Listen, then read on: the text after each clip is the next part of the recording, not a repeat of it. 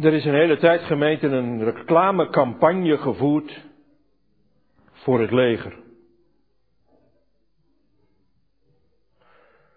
campagne moet natuurlijk niet te lang duren, want dan gaat de kracht eraf, maar deze heeft toch wel een aardige tijd het volgehouden.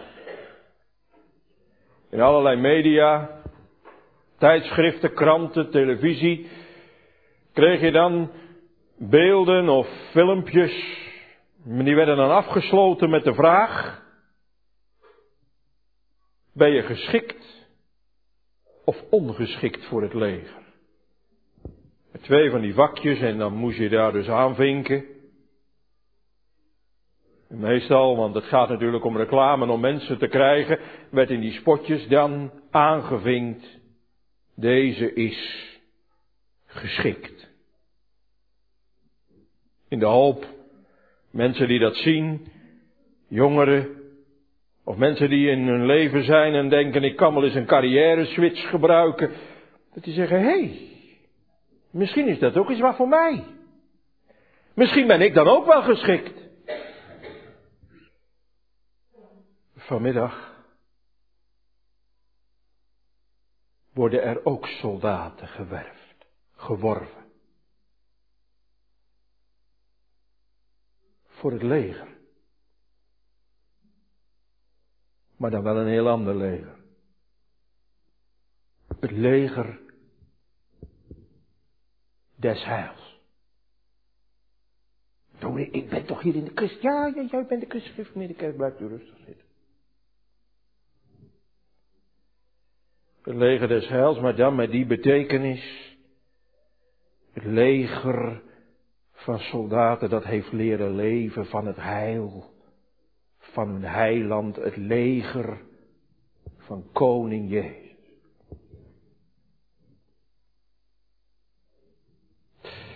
En als nou vanmiddag uiteindelijk de Heer Jezus bij wijze van spreken op diezelfde manier gemeente te werk gaat, jongelui, en hij gaat als het ware onze reclamespotje voorhouden om ons duidelijk te maken, ben jij en bent u geschikt voor dat leger van de Heer Jezus? Zou jij dan aanvinken geschikt? Of moet je dan vanmiddag aanvinken ongeschikt?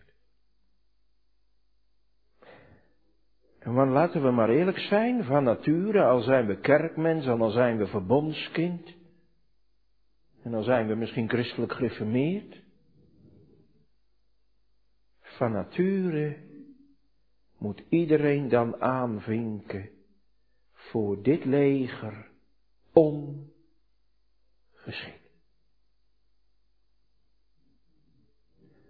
Maar Christus werft soldaten die in zichzelf zo ongeschikt zijn dat je zou zeggen, wie wil die nou hebben?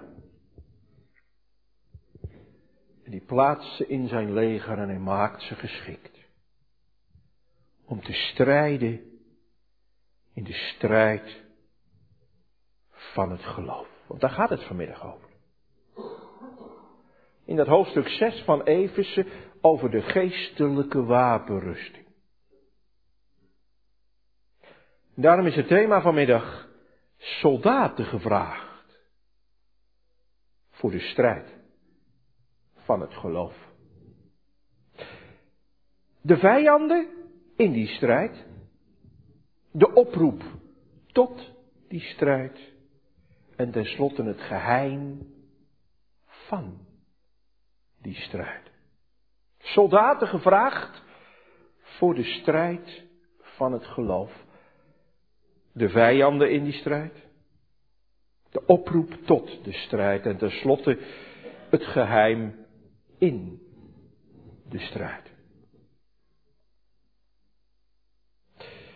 Laten we nou maar eerlijk wezen, gemeente jongelui, als je nou vanmiddag als het ware twee plaatjes naast elkaar zet. Met de vraag, wat is nou het beeld wat u en ik en jij hebben bij het leven van een gelovige? En we zetten aan de ene kant vanmiddag een soldaat zwaar bepakt met allemaal legermateriaal om zich heen, die bij wijze van spreken net door een modderbak is gegaan en een bivak heeft gehad. Dat is het ene plaatje.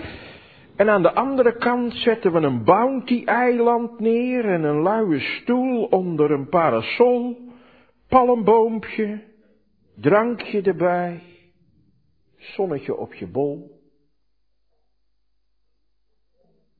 Welke van de twee is volgens jou nou het echte beeld van een gelover? Als u dat zo zegt, dan zegt u misschien, nou ja, dominee, dat is toch wel helder. Ja, maar wacht nou eens even. Want diep in ons hart, gemeente, dat willen we misschien niet zo gauw toegeven, denken we toch vaak, en soms kom je dat ook op allerlei manieren tegen, ook vanuit uit geloof, wat soms uit andere werelddelen overwaait en vanuit Amerika overkomt, dat de gelovige, nou die heeft, als die de Heer heeft leren kennen, een succesleven, en als het ware is het dan een soort lui lekker land onder de palmboom, en dan komt het je aangewaaid. En dan kan zo iemand op een gegeven ogenblik helemaal van slag zijn als die merkt dat het volgen van de Heere zo gemakkelijk helemaal niet is. Want u begrijpt het wel, zeker vanuit het hoofdstuk van middag Efeze 6. Paulus maakt vanmiddag ons duidelijk, nee, de Heere maakt ons vanmiddag door Paulus duidelijk. Geloof is strijden.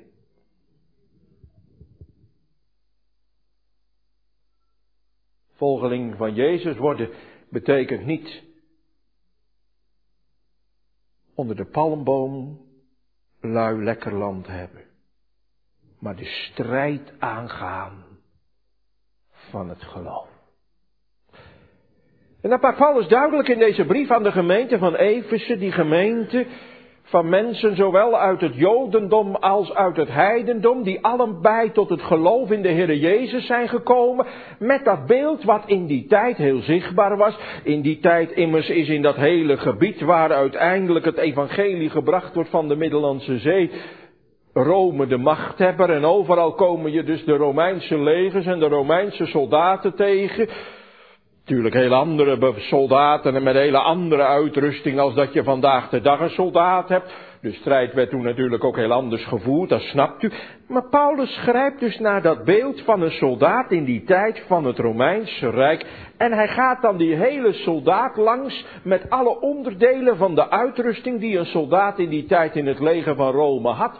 Om daar lijnen uit te trekken wat dat in het geloof betekent. Schild, zwaard. Wat voor schoenen je aan je voeten doet. Een gordel die je om hebt om je op onderkleed op te trekken, zodat het je niet hindert als je snel moet gaan. Een panzer, een harnas om je lijf, zodat als het ware je weken delen en je ingewanden niet zomaar kunnen worden geraakt en het hart wordt getroffen, zodat je uitgeschakeld wordt. Een helm, ach je kunt hem helemaal nagaan. En dan gaan we het vanmiddag niet over al die uitrustingsonderdelen hebben.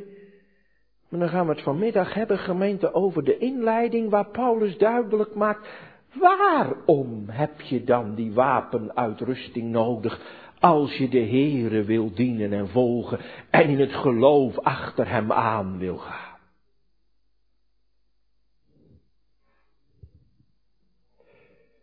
Is het dan zo gevaarlijk? Als je gelovige bent. Of anders gezegd, moet je dan werkelijk rekening houden met vijanden op je weg? Want je brengt toch een leger alleen op de been als je zegt er zijn vijandige machten waar je af en toe als leger je tegen moet verdedigen. Als er nergens een vijand te bekennen is. Dan ga je niet een leger op de been brengen en mobiliseren. Want als ik bij wijze van spreken dan gaat roepen dat er gevaar dreigt, dan zegt iemand, nou ja, waar vandaan dan? Paulus zegt het geloof, en dat zegt Paulus niet alleen maar door de Heilige Geest, dat kom je, en niet alleen maar hier, dat kom je op meer plaatsen in die brieven van Paulus tegen. Denk maar aan de oproep die hij doet aan, aan zijn medebroeder Timotheus, strijd, de goede strijd van het geloof, dat is een bekend beeld dus. Geloven, volgeling van de Heer Jezus zijn, betekent een strijdend leven. Dat kan best een zwaar leven soms zijn. dan wijst hij vanmiddag in ons teksthoofdstuk, hoofdstuk 6 vanaf vers 10, allereerst de vijand aan.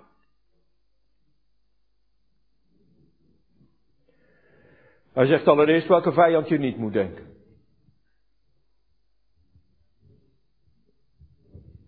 Hij zegt, nou die oproep wordt krachtig, mijn broeders in de Here en in de sterkte van zijn macht, daar kom ik zo nog wel op terug. Doet aan de hele wapenrusting van God, opdat u kunt staan tegen de listige omleidingen van de duivel, want wij hebben de strijd niet tegen vlees en bloed, maar, en dan komt wat tegen wel. Wij hebben de strijd niet tegen vlees en bloed. Wat bedoelt hij daarmee? Vlees en bloed zijn hier uitdrukkingen voor de strijd tegen mensen.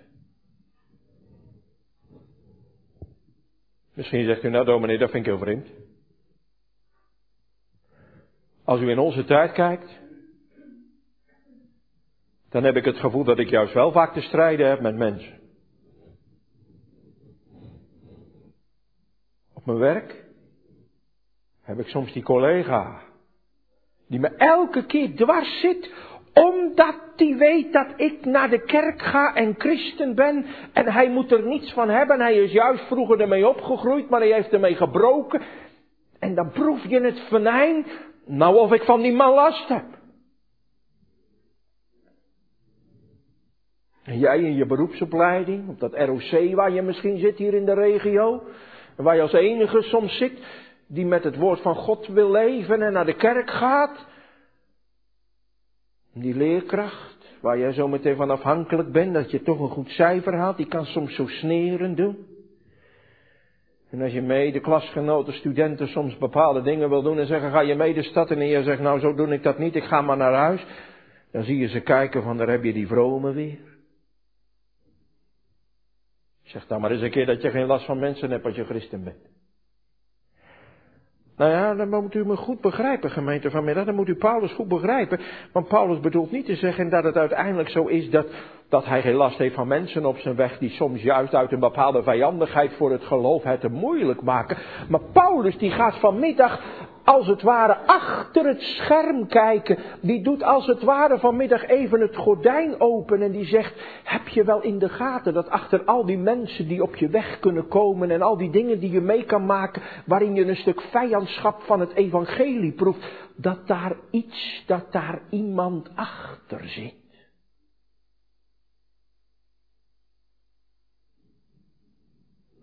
Dat gebeurt niet toevallig. Die vijandschap hier en die vijandschap daar. En die politici die je dan zomaar weer even ballonnetjes hoort oplaten, waarin ze toch weer even iets van het christelijk geloof op willen blazen.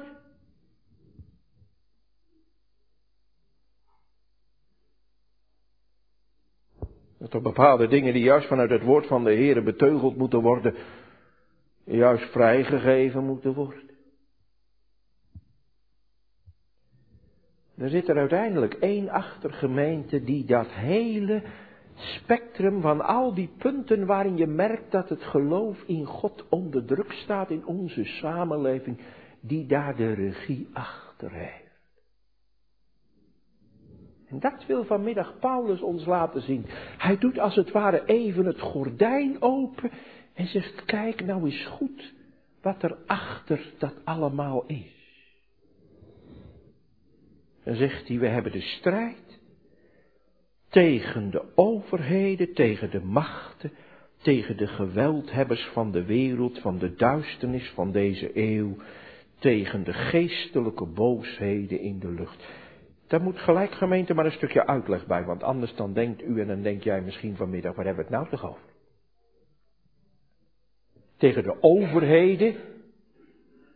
Nou ja, dan denk je bij jezelf, dan gaat het zeker over de regering. En u zegt, ja nou dominee, dat kan ik me nou helemaal voorstellen. Misschien zeg jij wel vanmiddag, ja ik leef hier ook in een omgeving, nou dat is wel even anders dominee als waar u vandaan komt op Urk. Waar ze alleen maar christelijke politieke partijen hebben. Nou bij ons is het, is het een wonder als je uiteindelijk nog eens een keer in de gemeenteraad als christen, de overheid. Nee, dat ga ik niet zeggen.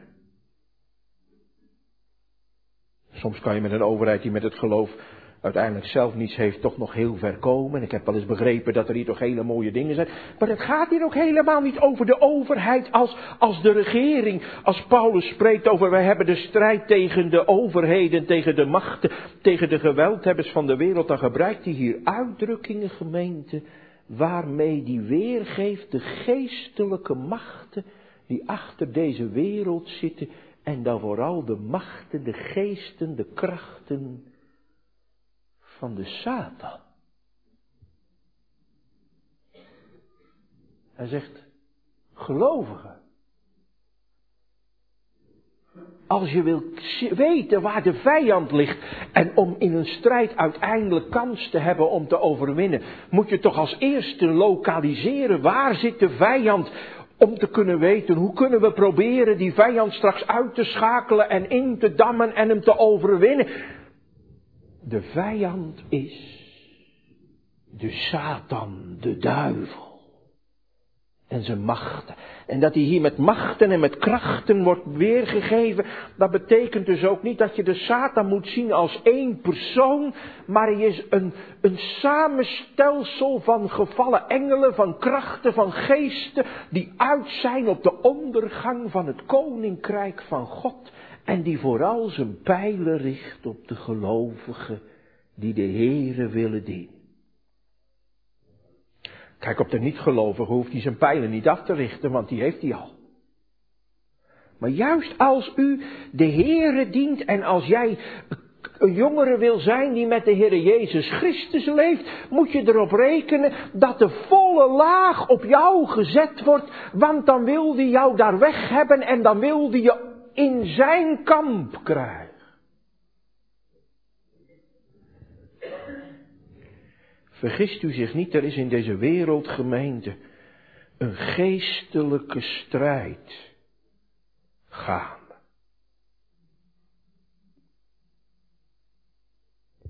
En dat gaat ook onze kerk, onze gemeenten, onze jongeren niet voorbij. Om maar een voorbeeld te noemen. Gisteren of eergisteren las ik in de krant, het AD, een oproep. Ik geloof op de jongere pagina of er jongeren willen reageren die ervaring hebben opgedaan. Er zijn dus jongeren uit onze kring met glaasje draaien. Dat is onschuldige spelletjes met wat letters neerleggen en een glas. En dan je vinger erop en dan een vraag stellen en daar een antwoord op willen krijgen. En dat wordt dan gebracht, ach dat is alleen maar suggestie of dat is alleen maar een spelletje, dat is onschuldig. Vergist u zich niet. Het is voor velen die in de handen van Satan gevallen zijn, het begin geweest waardoor ze gebonden zijn door Satan.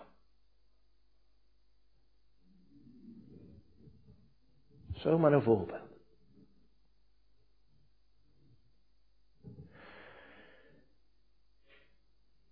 En je hoeft zomaar je televisie maar aan te zetten.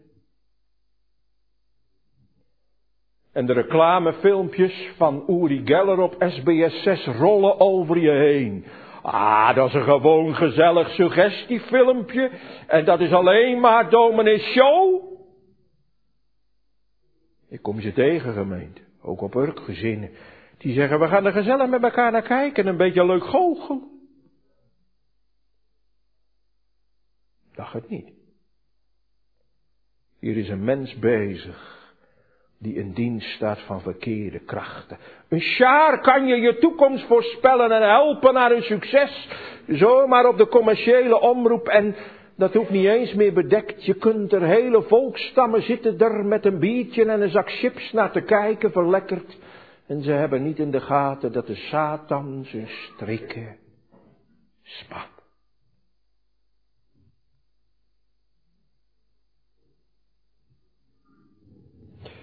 De Satan gemeente zet de geestelijke strijd in. Juist om onze jongeren en om ons. En hij probeert op een geniepige manier, probeert hij uiteindelijk ons in zijn macht te krijgen. Geniepig, ja, want ons hoofdstuk zegt dat we bedacht moeten zijn tegen de listige omleidingen van de duivel, vers 11.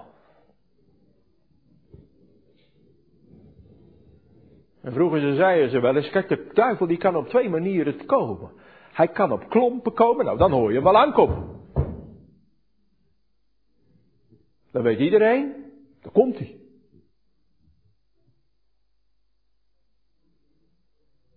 Sta je er tegenwoordig verbaasd van hoe de duivel gewoon openlijk in de muziek, in de house, in de tv-clips, gewoon satanisch zich neerzet.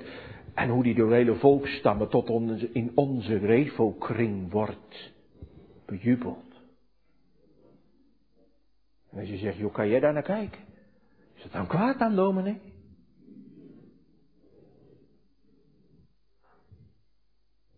Maar het wordt nog veel gevaarlijker gemeente, jongelui, als die op zijn sokken komt. Als die het listig verpakt. Als die het zo sneaky doet, zo gluiperig, zo slim verpakt, dat je helemaal niet in de gaten hebt dat het de Satan is.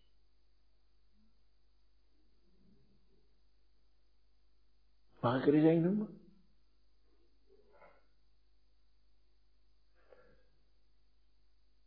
Satan die heeft van die slimme dingen ook in de kerk. Als je onder de preek zit en je hart wordt geraakt door de bediening van het woord, dan komt hij met zo'n pijl die hij afschiet. En die heet, ja, maar het gaat zomaar niet hoor. Het moet je wel gegeven worden. Hoe dominee gaat u dat ontkennen dan?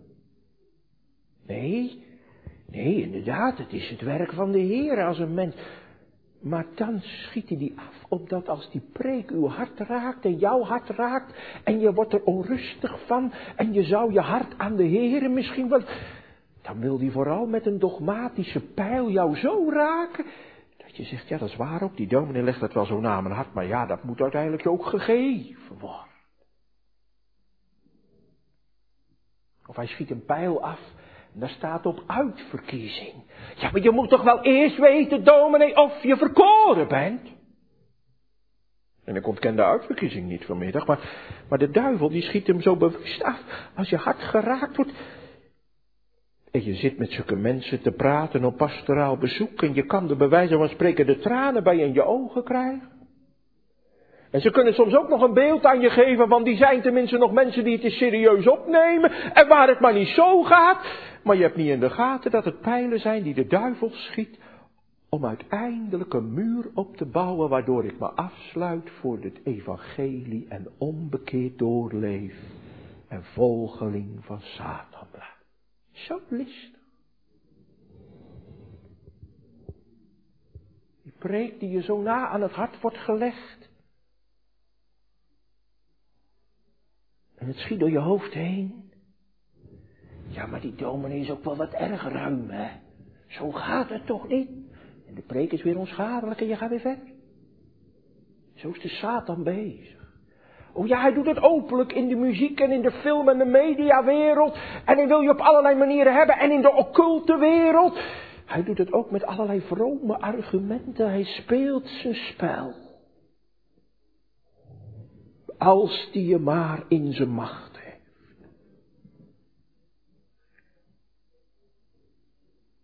Hij gaat rond met zijn aanvallen. Zijn listige aanvallen. En hij spiegelt je jongelui een beeld voor alsof het leven met Satan het echte leven is. Alsof dat het nou helemaal is. En dan word je gelukkig, glitter, glamour.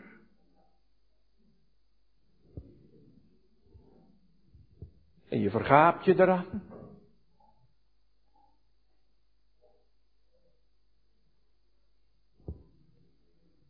Maar het is allemaal bedrog. Want hij vertelt je niet dat als je hem volgt, dat je dan die volgt die al geoordeeld is en voor eeuwig hel. En dat hij nu bezig is om jou mee te nemen, omdat het motto van de Satan is, als we gaan, dan gaan we met z'n allen. En dan wil hij jou erbij hebben, om je verdoemd te laten zijn en voor eeuwig in de hel te brengen.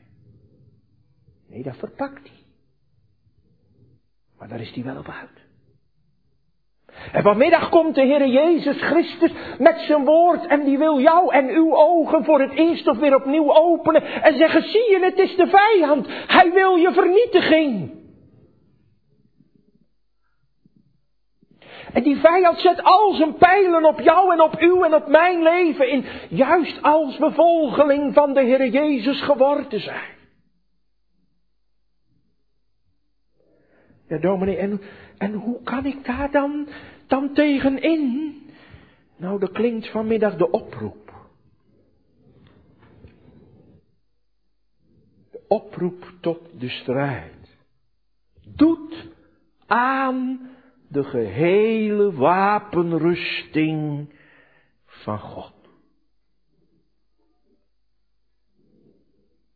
Die hele wapenrusting die van dan in Efeze 6 behandeld wordt, gemeente, let u op, dat is de wapenrusting van God, oftewel de wapenrusting die God heeft uitgedacht, die God schenkt, en die je dus alleen maar uit zijn handen hoeft te aanvaarden. Dus als u nog bezig bent met een eigen wapenrusting uiteindelijk in elkaar te zetten en te zeggen als ik nou eens dit wapen fabriceer en dat en als ik nou eens zus doe en zo, gooi ze er maar neer want u zult het er uiteindelijk niet mee redden. U bent nog steeds bezig om het allemaal zelf te willen doen.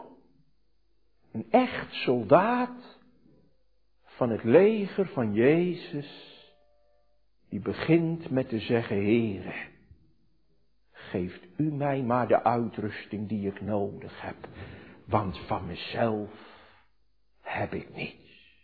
Je krijgt het van de Heer.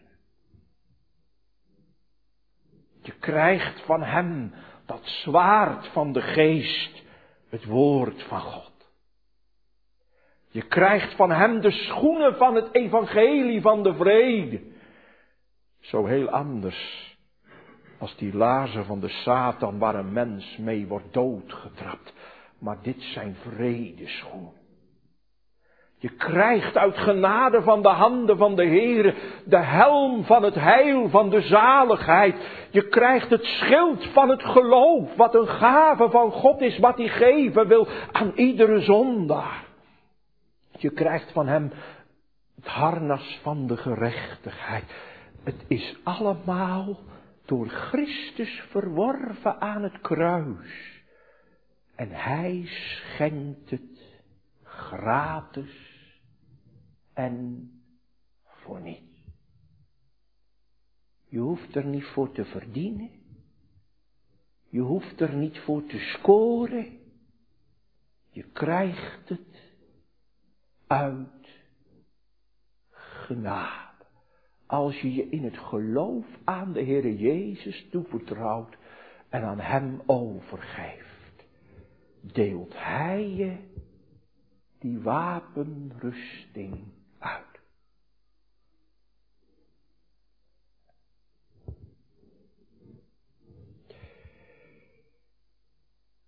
Alleen er staat nog wel wat bij. Je krijgt hem niet alleen. Hij is niet alleen de wapenrusting die je van God krijgt. En die door God beproefd is, waar als het ware een keurmerk op zit. Deze wapens zijn bestendig tegen Satan.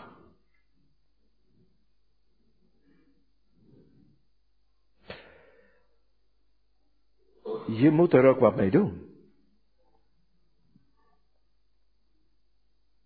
Want Paulus schrijft door de Heilige Geest, doet aan de gehele wapenrusting.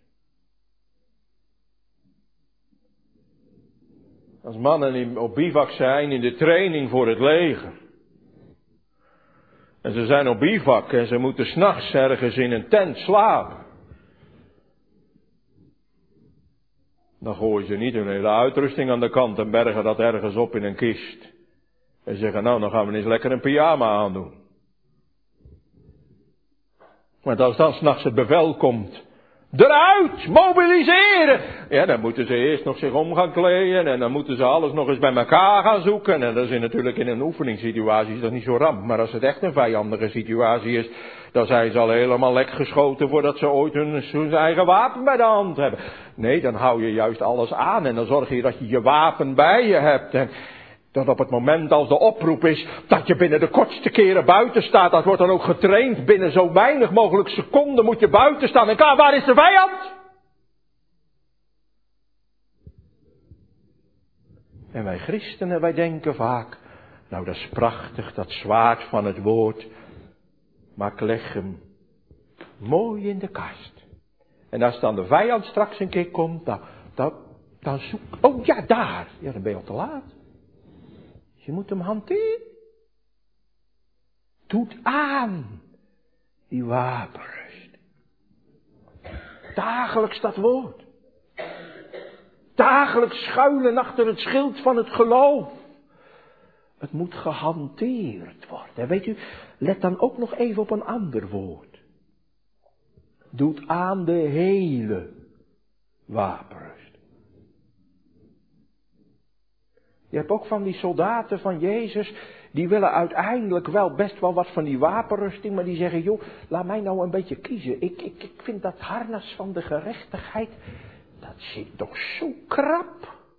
Als ik dat nou eens afdoe, doe jij dat dan aan, dan neem ik het schild. Fout.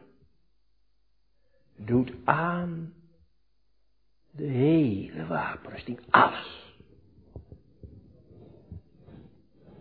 Want als je misschien bepaalde dingen wel neemt, maar bepaalde dingen niet, dan is er één die heel goed weet, de Satan, wat jij niet hebt genomen. Dat is dan je zwakke plekken. Reken maar dat hij daar op zijn pijlen inzet. Misschien zegt u dominee, maar dat is nou, ik maar wat u zegt, want ik heb ontdekt dat er in mijn leven, ook in mijn geloofsleven, van die bepaalde zwakke plekken zitten. En daar zet hij nou verdraaid elke keer precies het mes in. Ja, dat weet hij. Want de Satan kan nog veel beter uw zwakke plekken aanwijzen dan dat u dat zelf van uzelf weet. En die gaat natuurlijk niet daar zijn aanval bij u inzetten waar dat u prachtig beschermd bent, maar juist daar waar uiteindelijk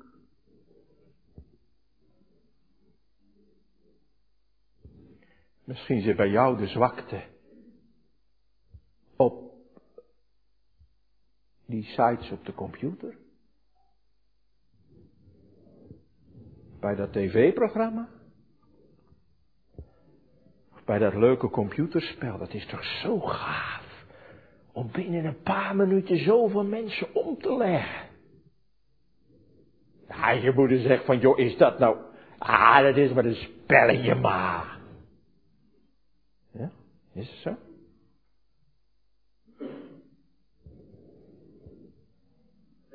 En jij houdt zo van muziek?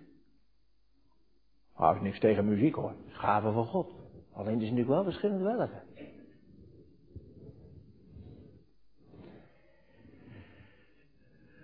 Die muziek die jij draait.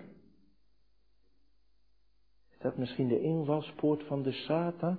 Vergis je niet, Satan weet vooral hele mooie, melodieuze muziek ook te maken. Maar het is niet alleen maar heavy metal. Om daarmee op een gluiperige manier bij jou binnen te komen. Maar ondertussen pakt hij je wel.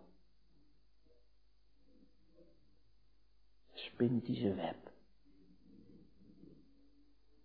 En bij een volgende is het de drank. En bij een volgende is het het gevoelig zijn op lichamelijkheid, de seksualiteit.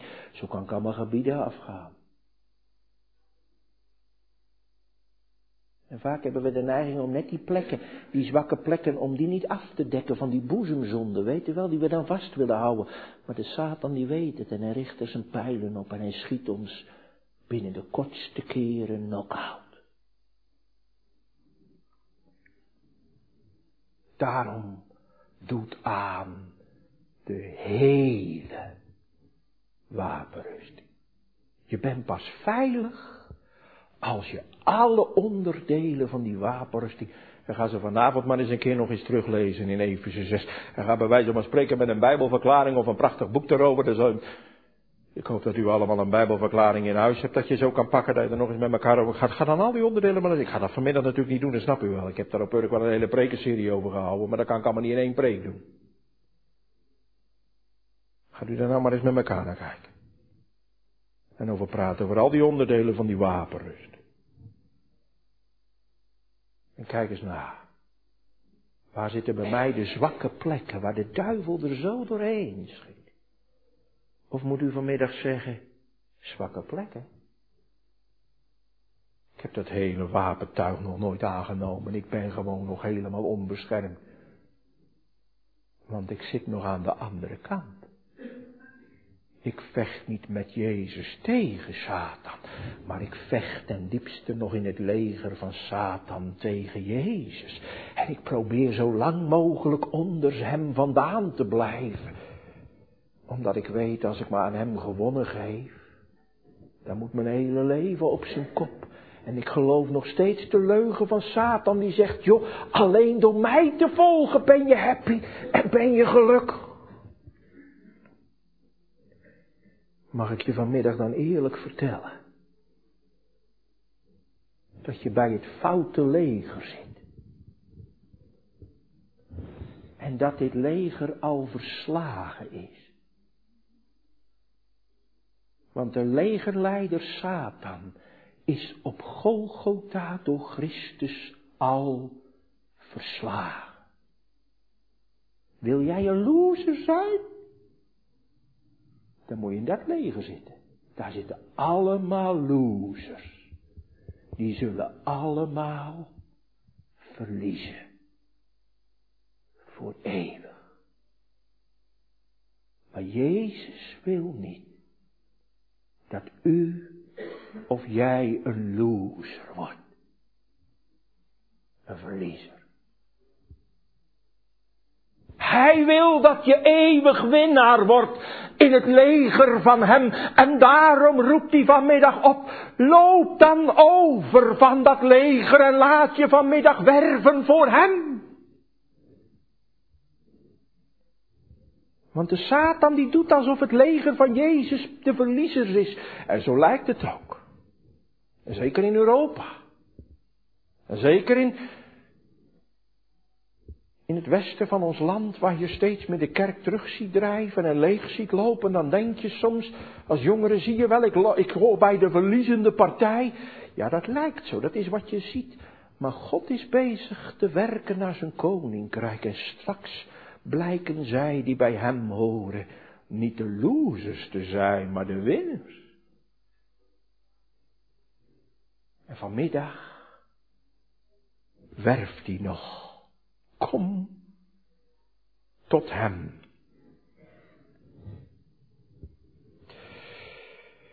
Alleen, dat is even het laatste waar ik nog even de vinger bij wil leggen, gemeente, want de tijd schiet ook alweer op.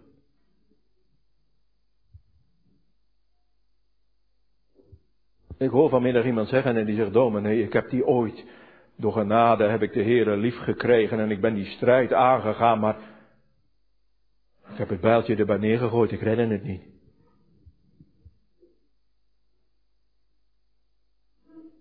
Hoe, dominee, hoe kan een kind van de Heere het nou volhouden? Nou, het geheim daarvan, gemeente, staat ook in onze tekstwoorden vanmiddag. Ik had u al beloofd dat ik nog een keer terugkwam bij vers 10. Nou, daar komt hij dan. Voorts, mijn broeders, wordt krachtig in de Heere en in de sterkte van zijn macht. Een soldaat van koning Jezus kan alleen strijden en zal alleen overwinnen als die in de Heere is. En dat is een hele sterke uitdrukking vanmiddag. Er staat niet dat hij wat heeft met de Heere. Of dat hij wel eens wat gedachten heeft over de Heere. Hij is in de Heere, onlosmakelijk aan Hem verbonden.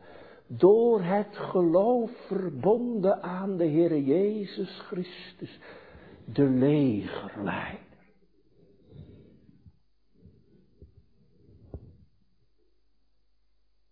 Een kind van de Heere kan alleen maar strijden.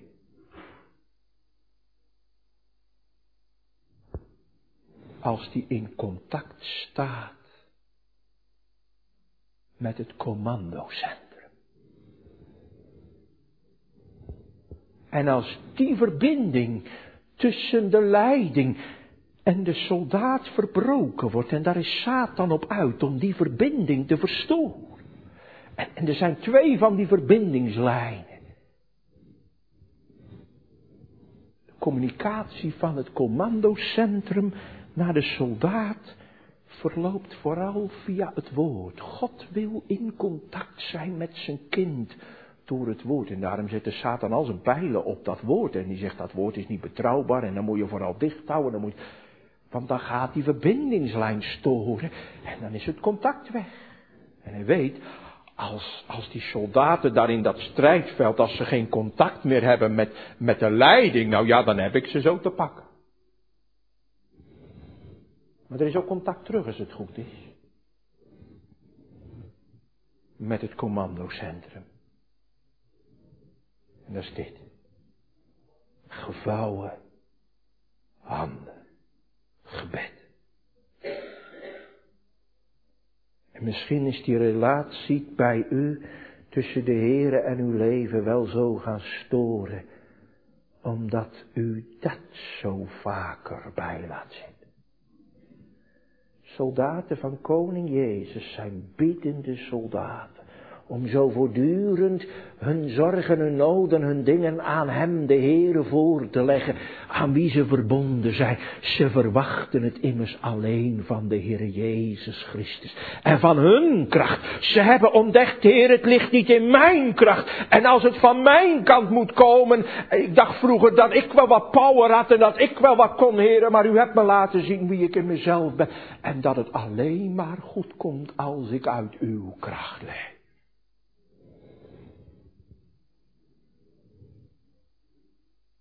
Here, doe mij verbonden zijn aan u. En schenk voortdurend door uw woord en heilige geest de kracht om te strijden. In de strijd van het geloof.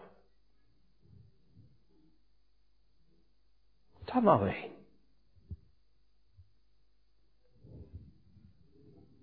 Kan een zondaar die de Heere nodig gekregen heeft, overeind blijven in de strijd. Let u daar ook op. Paulus zegt elke keer, sta dan. En hij zegt, opdat u staande zult blijven opdat u wederstaan kunt in de boze dag, eind vers 13. De dag dus dat de Satan de aanval heftig inzet en alles verricht hebben, dan dan staande blijft. De Satan weet, als ik die soldaat onderuit heb en hij ligt, dan is die voor mij een gewillige prooi. Maar de Heere zegt, ik wil dat mijn soldaten staande blijven, overeind blijven. En dat doen ze als ze vaststaan in het woord van de Heere en als ze in het geloof aan Hem verbonden, het alleen maar van Hem verwacht. Ze weten zich afhankelijk van hun Heer. En ze weten, Heere, als u ons loslaat, dan zijn we verloren. En ze weten ook, Heer, zolang u ons vasthoudt, zal u zorgen dat we overwinnen. En daarom zingen ze onder de strijd hun strijdlied. Sta op, verlost u mij, Heer.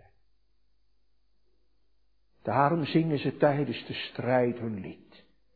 Trouwe God, Gij zijt het schild dat mij bevrijdt.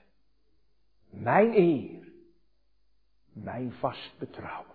Oh ja, nog even dat begin. In zichzelf zijn al die kinderen van de Heer ongeschikt. Maar verbonden aan Hem, in de kracht en de sterkte van Zijn macht, maakt Hij ze geschikt. Voorwaarts, Christusstrijders, drukt uw koning spoor met zijn heilige kruisvaart gaat ons Jezus voor. Strijd. De goede strijd van het geloof. Met deze zekerheid.